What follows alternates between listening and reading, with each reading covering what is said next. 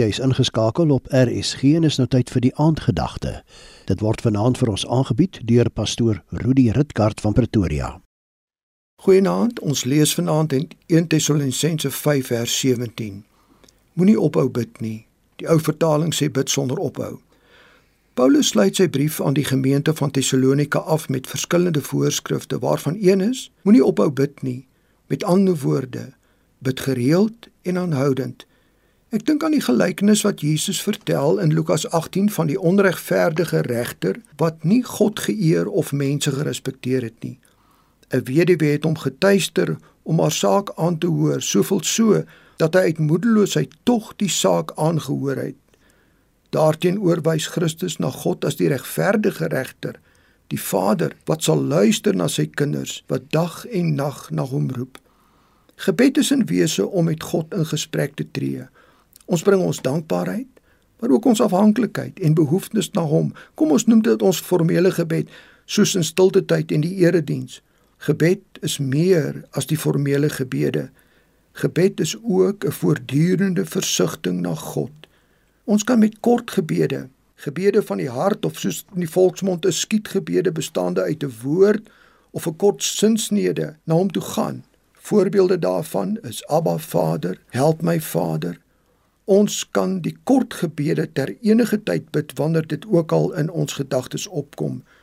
Dit vervang nie ons normale gebede nie, maar as 'n aanvulling daarvan. Ons is soms so besig met baie dinge dat gebed die laaste ding is waaraan ons dink. Deur hierdie kort hartsgebede kan ons voortdurend kontak met die bron van die lewe bewerkstellig dink aan die getuienis wat ek gelees het van 'n chirurg wat vertel dat soms in die teater daar uitdagende situasies was en dat dit hom baie gespanne gemaak het. Nadat hy geleer het om hierdie kort hartsgebede na God te bring, het hy te midde van die uitdagende situasie rustig gevoel in die wete God sal my help. Die skrif moedig ons aan: Moenie ophou bid nie.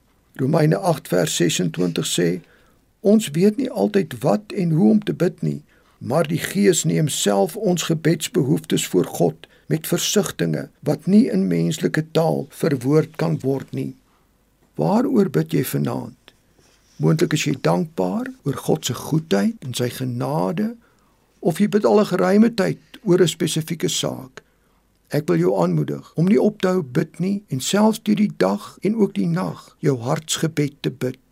Ja, selfs wanneer dit stil word en jy in die nag wakker is en bekommerd is oor jou probleme, te weet dat jou blote versigtiging 'n gebed is wat God hoor. Soos 'n wildspok smag na water, so smag ek na U o God.